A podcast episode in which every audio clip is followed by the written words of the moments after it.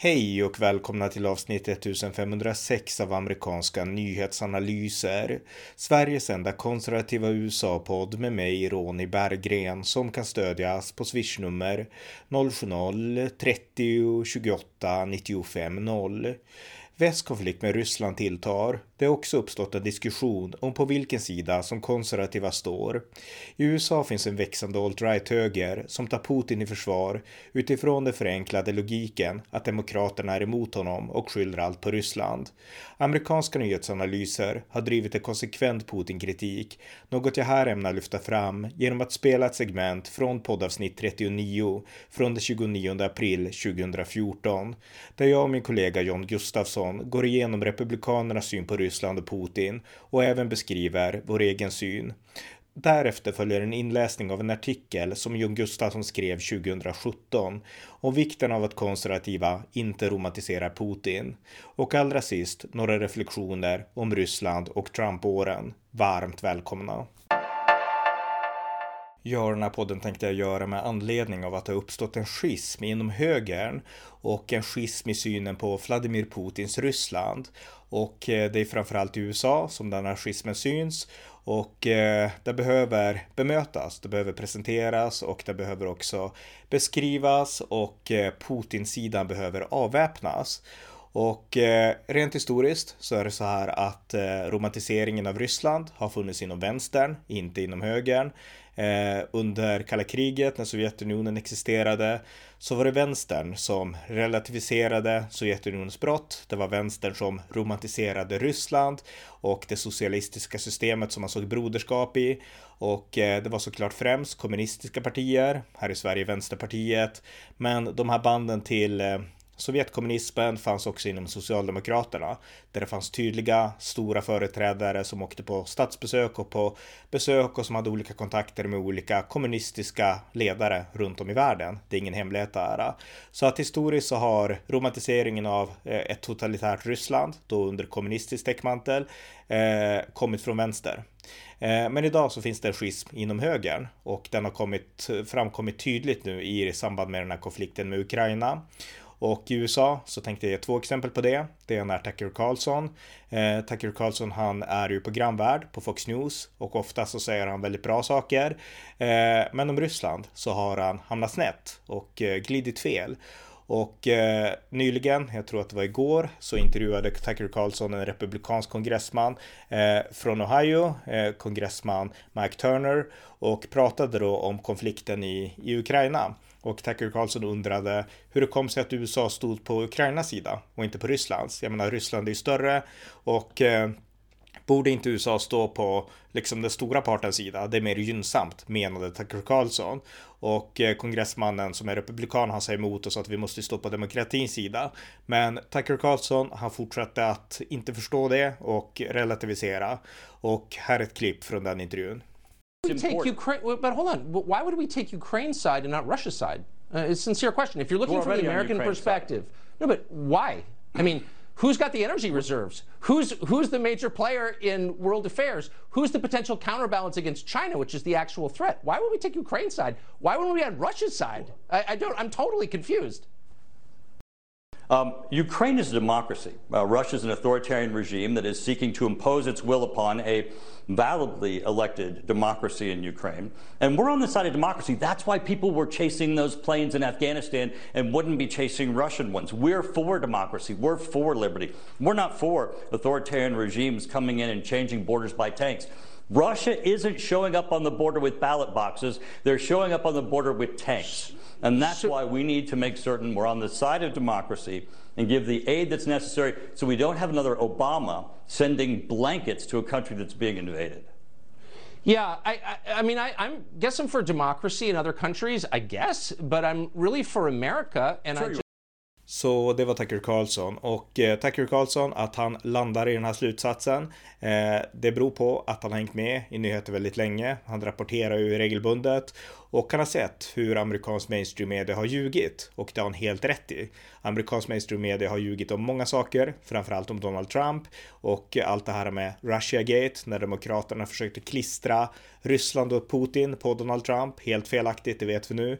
Eh, Tucker Carlson, han har sett igenom det. Han har förstått när Demokraterna har ljugit om olika konflikter och gjort väldigt enkla analyser av saker och ting. Och Tucker Carlson är också kritisk till Republikanernas krig, både Irak och Afghanistan numera.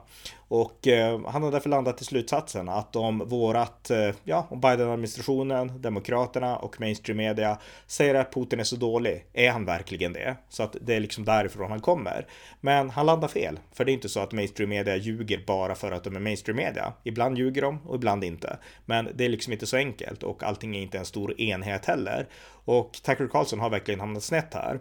Eh, tyvärr så är han inte ensam på högerkanten. En annan person som också hamnat snett är den svarta unga eh, konservativa eh, ja, radioprataren men opinionsbildaren Candace Owens.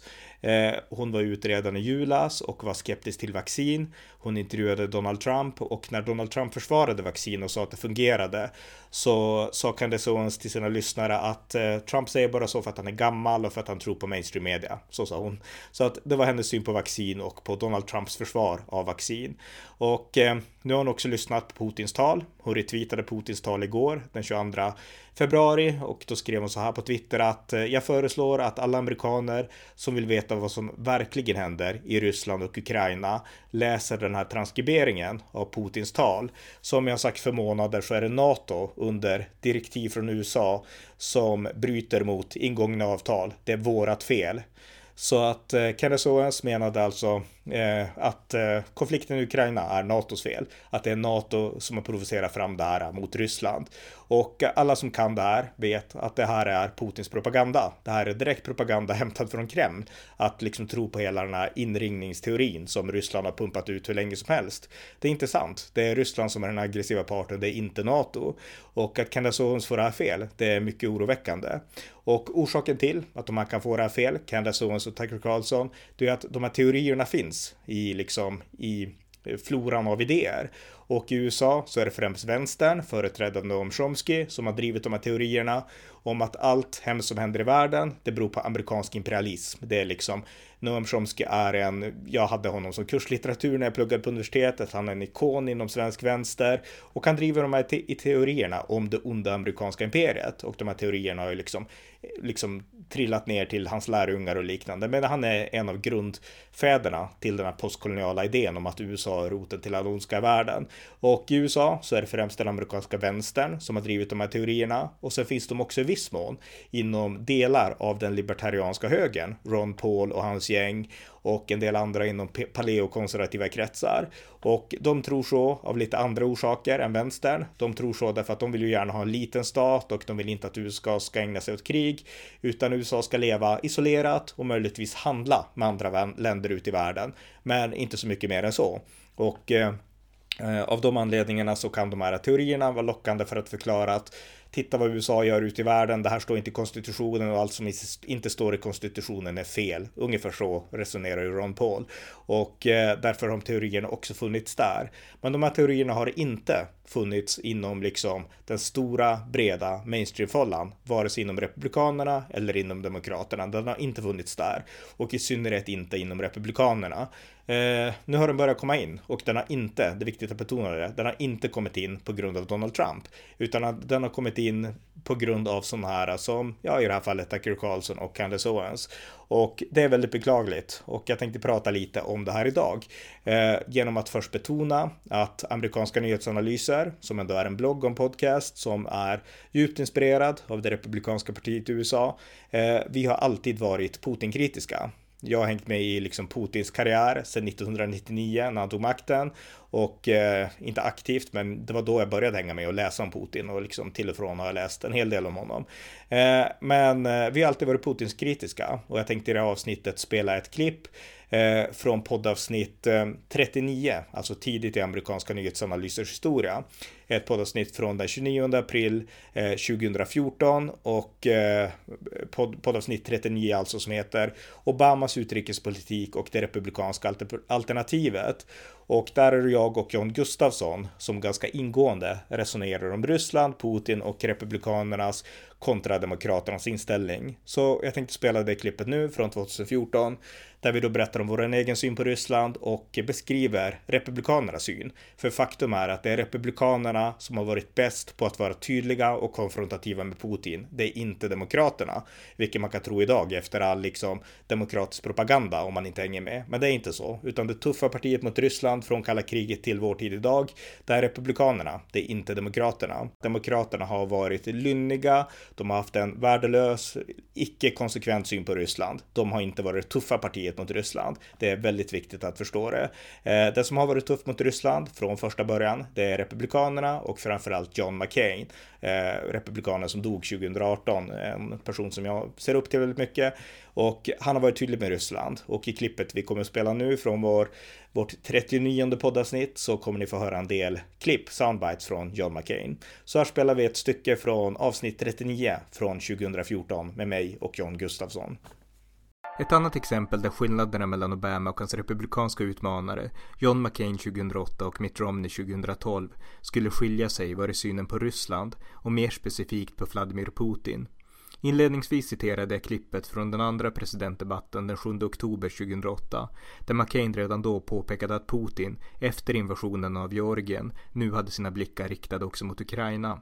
Skepsisen mot Putin hade McCain sedan länge haft. Redan år 2000, när McCain kandiderade i det republikanska primärvalet, men då förlorade mot George W. Bush, hade han varnat för den då nytillträdde Putin och i en debatt på CNN sagt I know what's going on in Russia, so do a whole lot of my friends. But you don't but know the fact him. is, well, we know that he was an apparatchik. We know that he was a member of the KGB. We know that he came to power because of the military brutality and massacre that's being taken place in, in uh, Russia today. I mean, in Chechnya today. We know that uh, he worked a deal with uh, Yeltsin so that uh, Yeltsin would have immunity and he would be assured of the presidency rather than basically a contested. Uh, I'm very concerned about Mr. Putin. Från Demokraternas håll försökte man avfärda det republikanska förhållandet till Putin på två sätt. Först genom att angripa i synnerhet George W. Bush för att ha haft en för mjuk inställning till Putin. I samband med Bush och Putins första möte med varandra i Slovenien den 16 juni 2001 hade Bush sagt. I looked the man in the eye. I found it to be very straightforward and trustworthy. Uh, we had a very good dialogue. I was able to um, get a sense of his soul. He's a man deeply committed to his country and the best interests of his country. Detta med att Bush skulle ha sett in i Putins själ blev förstås i efterhand förlöjligat i takt med att Putin visade att han hade betydligt större och mer auktoritära ambitioner än sin alkoholiserade företrädare Boris Jeltsin. Bush hanterade dock relationen med Putin balanserat och var angelägen om att fortsätta utveckla det samarbete med Ryssland som pågått sedan kommunismens fall. Putin samarbetar också med USA i kampen mot terrorismen och den personliga relationen mellan Bush och Putin gjorde att USA fick använda ryskt luftrum i militärtransporterna till Afghanistan, något som hade varit omöjligt att tänka sig under kalla kriget eller i en mer frusen relation mellan Bush och Putin. Samtidigt var Bush väldigt tydlig med att stå upp för de postsovjetiska demokratierna i Rysslands närregion och gjorde många besök till de länderna där han proklamerade att USA stod på deras sida. Bush pålyste också att man ämnade bygga ett missilförsvar i Polen och Tjeckien för att försvara Europa mot eventuella iranska missiler. Putin var helt emot saken, men eftersom Bush inte hade för avsikt att använda missilerna mot Ryssland fick Putin tycka vad han ville. Bush lät sig inte styras av den saken. I takt med att åren gick uppmärksammades dock i allt högre utsträckning Putins auktoritetsstyre, såväl som Bushs uttalande. Under primärvalet i januari 2008 sa Hillary Clinton följande. You know, Bush really premised so much of our foreign policy on his personal relationships with leaders. You know, this is the president that looked in the soul of Putin. And I could have told him he was a KGB agent. By definition, he doesn't have a soul. I mean, this is a waste of time, right? Det pratades under början av Bush-åren ganska ofta om Bush diverse taltabbar.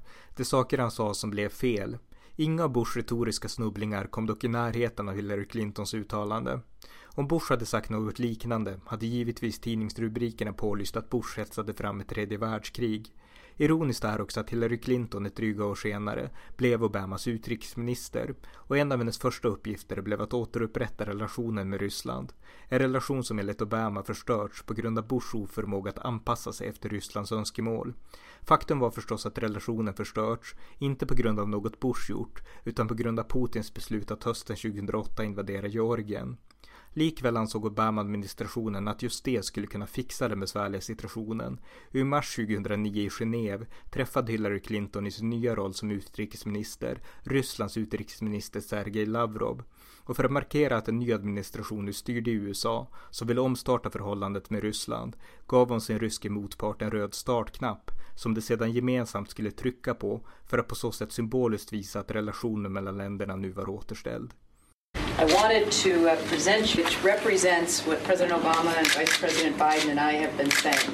And that is, we want to reset our relationship. And so we will do it together. Det fanns dock ett problem. Intill knappen hade det amerikanska utrikesdepartementet skrivit in rysk text som man hoppades ha fått rätt men i själva verket fick fel We worked hard to get the right Russian word. Do you think you, we got it? You get it wrong. I got it wrong. it should be перезагрузка. Ah. And this says uh, перегрузка, which means overcharge. Clinton lämnade alltså över en knapp där det stod överhettning. Ett misstag som med stor sannolikhet inte hade skett under Bush utrikesminister Condoleezza Rice, som var expert på kalla kriget och också själv talade ryska. Men Obama-administrationens tama inställning till Ryssland skulle fortsätta. Under hösten samma år pålyste Obama att han ämnade skrota det missilförsvar i Östeuropa som Bush-administrationen arbetat fram.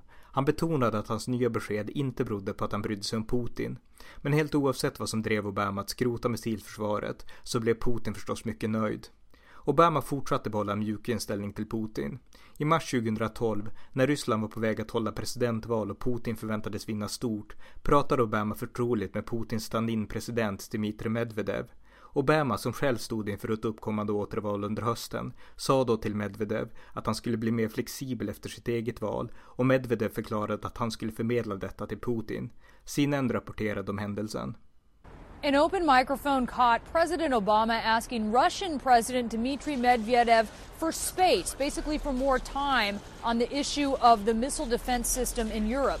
The reason for that space election year politics. Part of this exchange was captured on camera as reporters and cameras entered the room where the presidents had been speaking for 90 minutes in a formal one on one meeting. The reporters and the cameras coming in uh, for a photo op at the end of that meeting. Here's the exchange. This is my last election. Space, please. Yeah. After my election, I have more flexibility.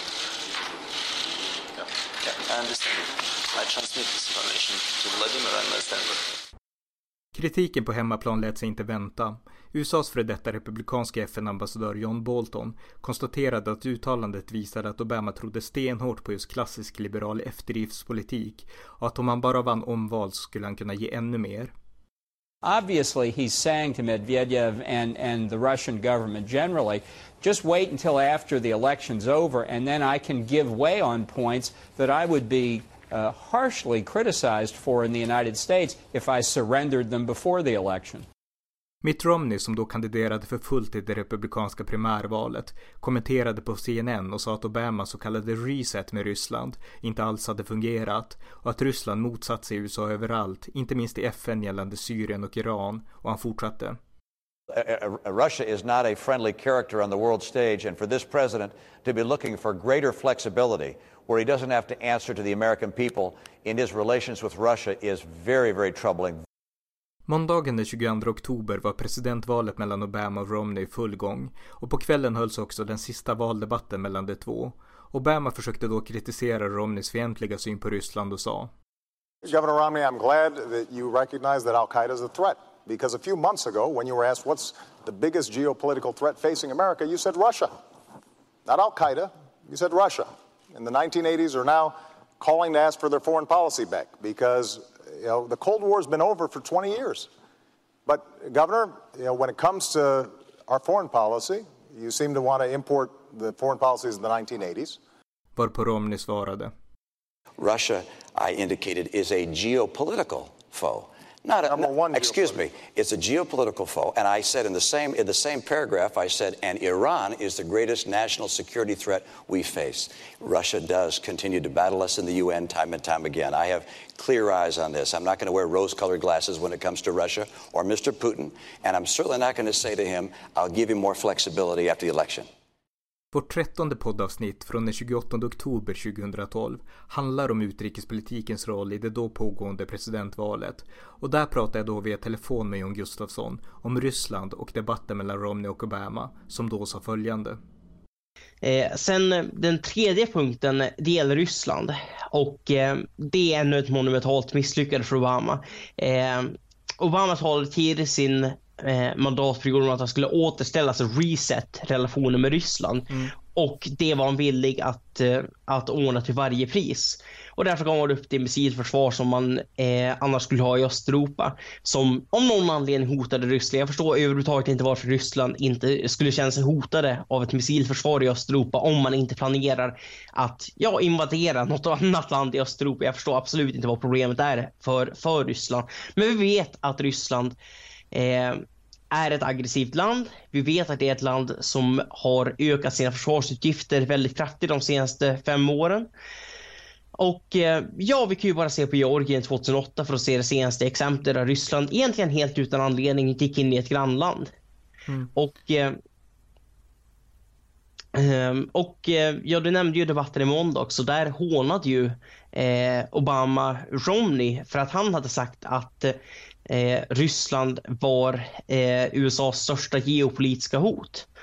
Men faktum är att objektivt talat så är det så. Jag menar, sen är terrorism säkert det största säkerhetshotet överlag. Men Romney hade ju rätt. Romney inser eh, vidden av av hoten med Ryssland. Det här, är, det här är inte att prata om kalla krigspolitik. Det här är att observera Ryssland idag, observera vart trenden går och inse att de, den positiva trend vi såg i början av 90-talet efter att Sovjetunionen föll, den har vänt.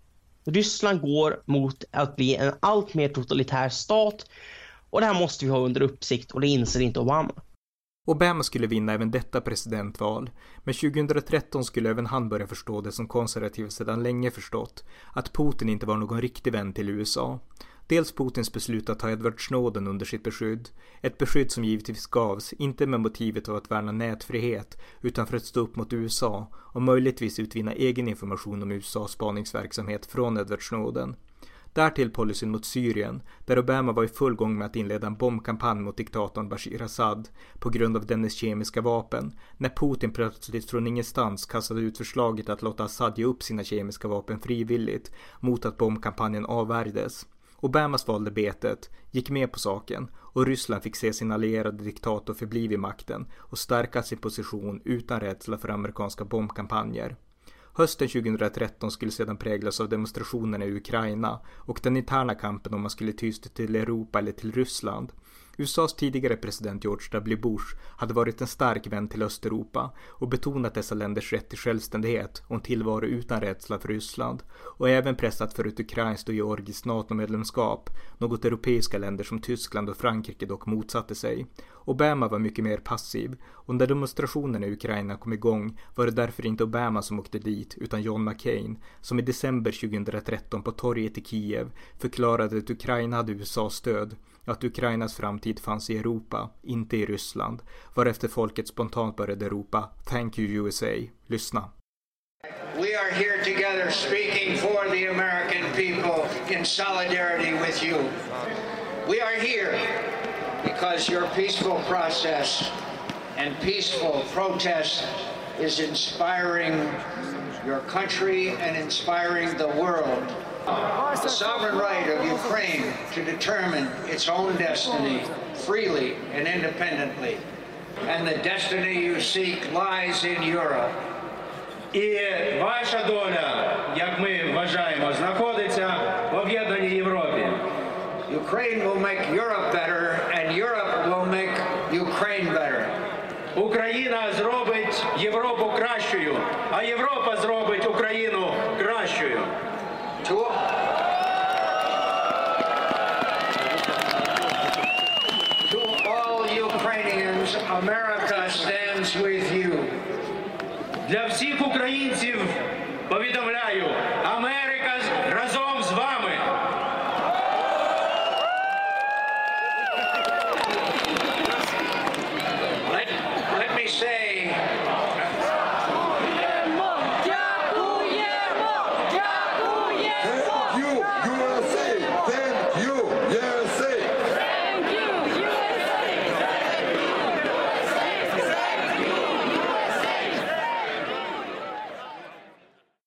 Fyra månader senare skulle Putin annektera Krim och kasta sin skugga över östra Ukraina.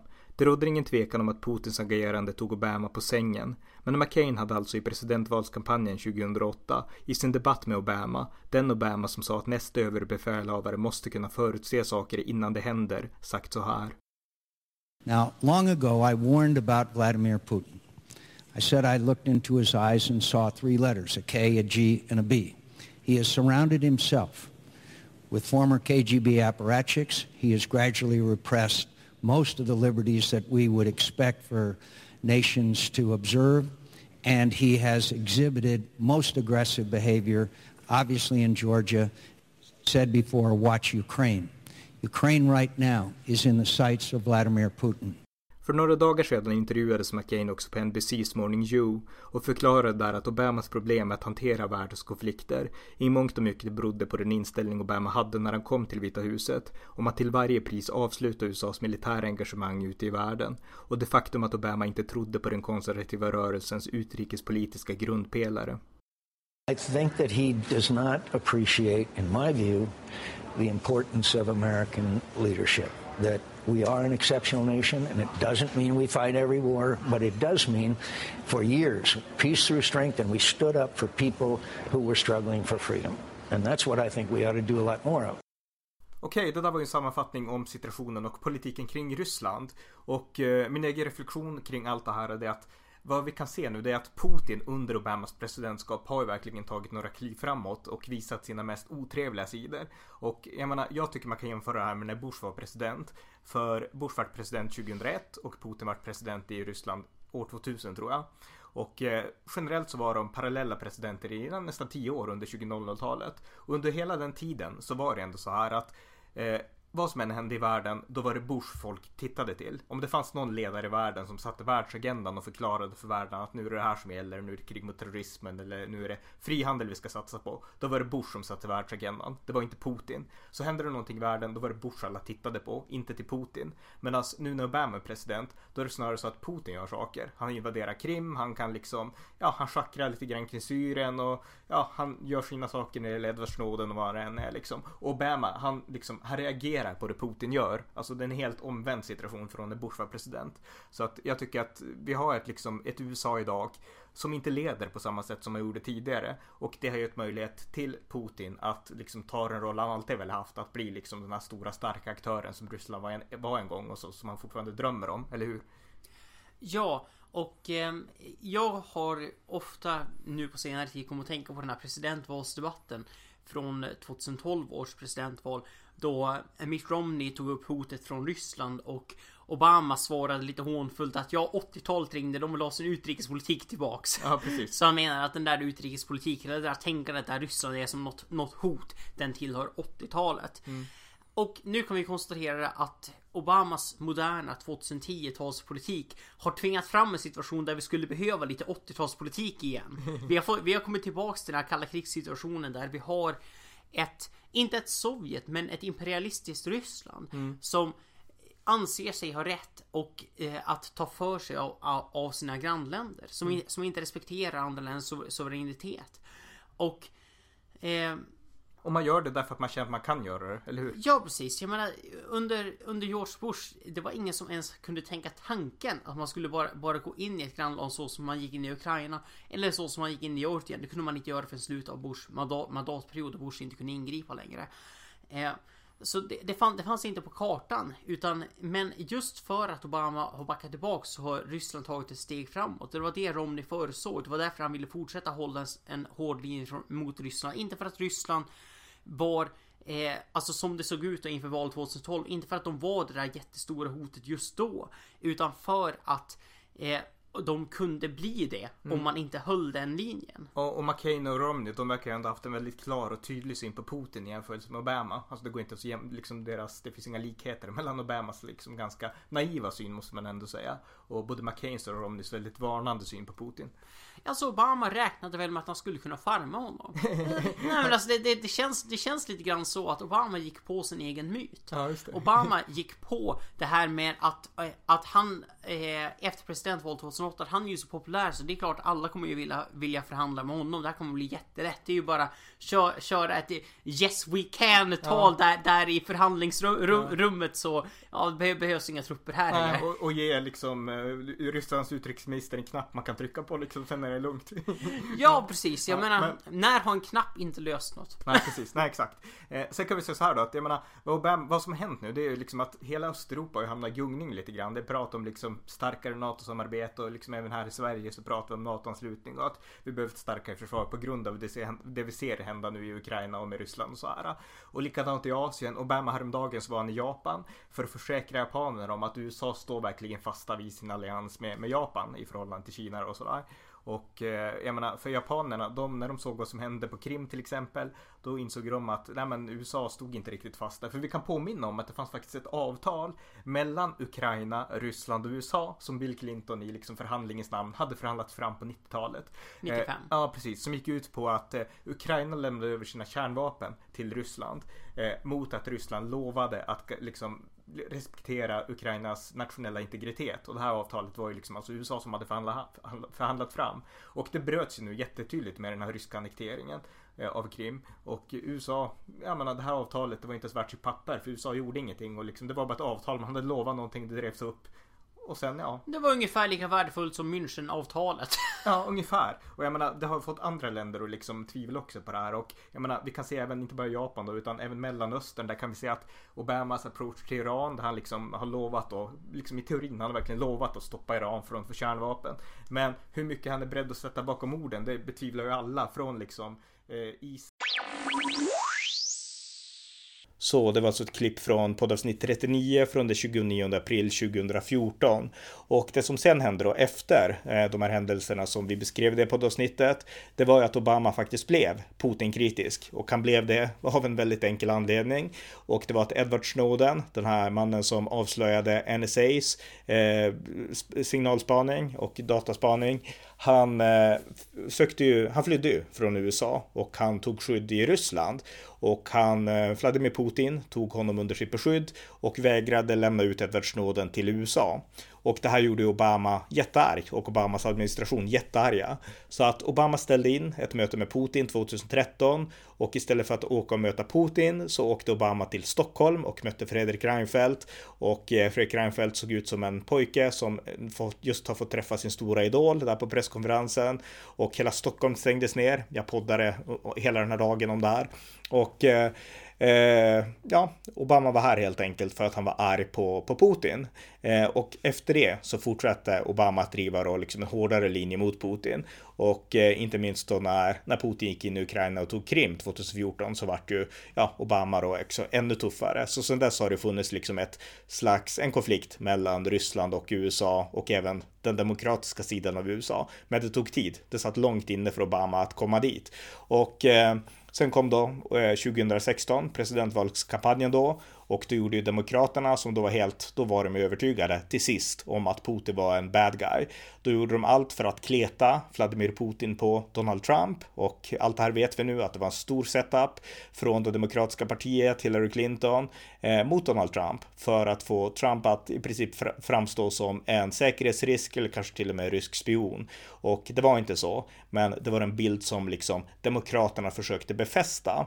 Och eh, jag såg Fredrik Reinfeldt som ju kampanjade för Joe Biden. Jag såg honom på tv igår, om det var på TV4 eller SVT, jag minns inte. Men han pratade i alla fall att allt det här med Ryssland, det vart ju sämre på grund av Donald Trump, därför att Trump var typ undergiven mot Ryssland, var Fredrik Reinfeldts budskap. Och eh, Fredrik Reinfeldt har fel här. Donald Trump var inte liksom inställsam mot Ryssland. Han var tuffare mot Ryssland än Barack Obama har varit, i synnerhet Barack Obama innan 2013. Han var tuffare mot Ryssland än Joe Biden har varit och han var också klarsynt, Donald Trump, om Ryssland. Alltså vi ska komma ihåg att Donald Trump, oavsett om han gjorde något uttalande här och var, så hade han ett team i sitt kabinett som var Rysslandskritiker. Jag menar, Joe Biden har Anthony Blinken och han har en lång historia. Han kritiserades tidigt av John McCain för att vara värdelös i säkerhetspolitik och så. Medan eh, Donald Trump hade ett kabinett bestående av alla de här kalla krigssökarna Eh, allt från James Mattis till John Bolton och alla andra. Alltså, där var hökar som var Putin-kritiska allihopa. Eh, alla fostrade i den här tydliga glasklara mm, republikanska follan. Så att eh, Trump hade ett kabinett av Putin-kritiker och Trump personligen, han var också väldigt klarsynt. Och låt mig spela ett klipp här. Det här är när Donald Trump besöker Belgien 2018 och han pratar om Nord Stream 2 och att, att det här är ett hot mot Europas säkerhet och att Tyskland gör ett stort misstag med Nord Stream 2 och att det finns många sundare länder som Polen som säger nej till rysk gas. Det här är Donald Trump och han hade helt rätt. Lyssna på det här klippet. Trump 2018. I think energy is a much different story than normal trade. And you have a country like Poland that won't accept the gas. You take a look at some of the countries that won't accept it because they don't want to be captive to Russia. But Germany, as far as I'm concerned, is captive to Russia because it's getting so much of its energy from Russia. So we're supposed to protect Germany, but they're getting their energy from Russia. Explain that. And it can't be explained, you know that. Så det var Donald Trump 2018. Det var Trump med det här klippet och även med sitt agerande mot Ryssland tydligt visade. Det var att eh, Donald Trump var republikan. Han drev en tuff politik mot Putins Ryssland eh, och eh, det var i mångt och mycket båg. Det här med att han skulle vara mjuk mot Ryssland och liknande. Det var demokratisk propaganda. Det parti som på riktigt var mjukt mot Ryssland, det var Demokraterna. Så det är viktigt att komma ihåg det att Donald Trump var inte Putins nickedocka. Och det finns ju till och med de som är fans av Trump som på något sätt tror att han var det och stöder Trump därför att han är vän med Putin. Och de delar ju samma nidbild som Demokraterna och svensk liberal och socialistisk vänster att det liksom finns någon allians mellan Putin och Trump. Och det finns också en falang inom alt-right-högern som tror på den här felaktiga föreställningen och som kanaliserar sin fantasi om starka ledare, Putin, Trump och så vidare. Och det här är en fantasi som inte är sant. Men likväl så finns det liksom de som tror det och som också romantiserar Putin. Och det finns det också inom högern i, i Sverige och Europa tyvärr. Det är inte bara USA som den här skiljelinjen har gått. Eh, det har riktats mycket kritik mot Sverigedemokraterna de senaste dagarna i media, att Sverigedemokraterna skulle vara Putinvänliga. Eh, Sverigedemokraterna är inte Putinvänliga, det är väldigt viktigt att betona det. Men det har funnits personer i Sverigedemokraternas historia som har varit Putinvänliga, det råder inte heller något snack om. Men partiet är det inte idag. Eh, däremot så finns det inom partiets väljare och inom de som kallar sig konservativa i Sverige och som röstar höger, förmodligen på Sverigedemokraterna, eh, ganska många ändå som tycker att Putin är en riktigt häftig kille. Och Jimmy Åkesson, han gjorde ett Facebook-inlägg idag där han förklarade och ville betona då att Sverigedemokraterna är inte Putin-vänner. Och läser man kommentarsfältet där så är det väldigt många besvikna som skriver. De verkar vara SD-sympatisörer eller SD-väljare, för de uttrycker sig så, men att de är besvikna på Jimmy. Alltså så skulle ingen vänsterperson skriva då. Eh, eh, för att han, ja, att han inte vågar stå emot mainstream media och liknande. Alltså de visar tydligt där att de tror på det ryska putinistiska narrativet. Så att det finns en liksom flora av människor i Sverige också som stöder Putin, som tror på Putins narrativ om konflikten i Ukraina och liknande och som tror att NATO är skurken, precis som Candace Owens också gjorde och precis som eh, de här teorierna inom kommunistkretsarna, Noam och även inom alt-right-högern liksom gör gällande att det här är NATOs och USAs fel egentligen. Så att de här eh, ja, de här gräsrötterna finns i Sverige också. Och det här är väldigt viktigt att partier och eh, att det finns en tydlig rörelse som står emot Eh, vi måste stå emot frestelsen att romantisera Putin och att det sker, att det görs. Jag kan säga något om det också. Det beror såklart på att vi i väst har haft väldigt många svaga ledare som inte varit tydliga och liksom sagt nej till massinvandring, som inte varit tydliga med att sätta hårt mot islamismen och liknande. Och eh, då har de sökt efter andra ledare och då har de sett Vladimir Putin, en machokille som är liksom tuff mot islamisering, tuff mot massinvandring och så har de tyckt att där har vi en person med bra, starka värderingar i motsats till våra svaga, mjuka, fega ledare i Västeuropa. Lite så. Det är lite av grunden till romantiseringen av Putin.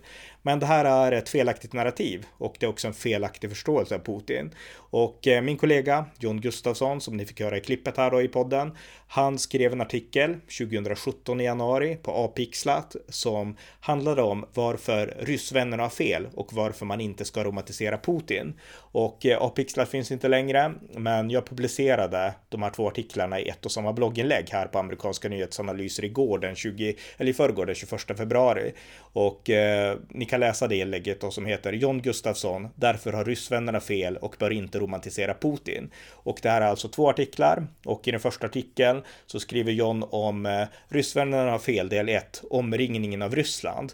Där skriver han då alltså om den här teorin som är liksom uppenbar och välkänd rysk propaganda där Putin motiverar sitt agerande med att Ryssland är omringat av NATO, vi måste göra något och det är NATOs fel. Samma ord som ekades från ja, amerikanska högerpratare då.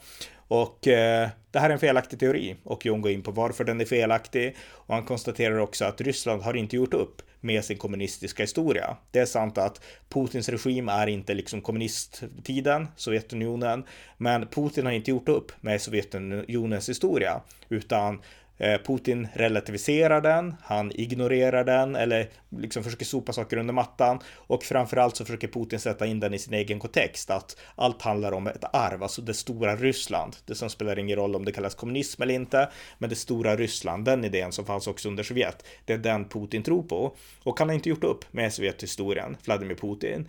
Och eh, John konstaterar att Tyskland kan man ta som exempel. Hur kritisk man än är till Angela Merkel som då var förbundskansler så rådde det inga tvivel om att Angela Merkel inte ursäktade eller relativiserade Nazityskland. Och John skriver så här. Jag kommer att lita på Ryssland när Ryssland behandlar Sovjetunionen på det sätt Tyskland behandlar Nazityskland. Eh, det här är ju en klockren beskrivning. Alltså Ryssland har inte gjort upp med Sovjetunionens historia, men alla vet att Tyskland, de har definitivt brutit med nazismen. Det går inte att tro något annat. Så det är en poäng som oroar bra. Så att jag rekommenderar er att läsa den här artikeln. Och han skriver också då att eh, myten om Putin måste också brytas ner. Putin är inte den där machomannen som är emot islamisering och liknande på det sätt som ryssvänner i väst verkar tro. Och där har John också helt rätt. Och eh, det här, den här artikeln som skrevs 2017, 17, den är fortfarande väldigt viktig. För det finns som sagt fortfarande människor i Sverige som relativiserar och romantiserar Putin. Så läs den här texten. Som sagt, det finns på amerikanska nyhetsanalyser Eh, och den heter Därför har ryssvännerna fel och bör inte romantisera Putin. Läs den artikeln är min stora rekommendation. Så att för att avrunda och sammanfatta det här avsnittet. Det finns en schism tyvärr inom högern eh, om hur man ska se på Vladimir Putins Ryssland och det är beklagligt och eh, de proryska idéerna, de måste motas i grind, verkligen. Högern ska inte bli som kommunisterna var, utan vi ska liksom stå emot totalitarism och eh, Vladimir Putin är en totalitär härskare som försöker liksom ta andra länder med våld och eh, det finns ingen anledning alls att relativisera eller romantisera honom. Eh, vi på amerikanska nyhetsanalyser har aldrig gjort det, som ni förstår av den här podden. Och det är viktigt att eh, övriga delar av högern inte heller gör det. Eh, högersidan ska stå upp för demokrati och mot ja, eh, totalitära aggressioner så som de som nu utförs av Ryssland i Ukraina. Så att det är det som är budskapet egentligen med den här podden, att tydliggöra och att tydligt förklara att eh, vi måste stå emot Ryssland. Det gäller både republikanerna i USA och de olika högerrörelserna här i Europa. Det var avsnitt 1506 av amerikanska nyhetsanalyser. En konservativ podcast som kan stödjas på swishnummer 070-30 28 95 0 eller via hemsidan på Paypal, Patreon eller bankkonto. Det var allt för idag. Tack för att ni har lyssnat.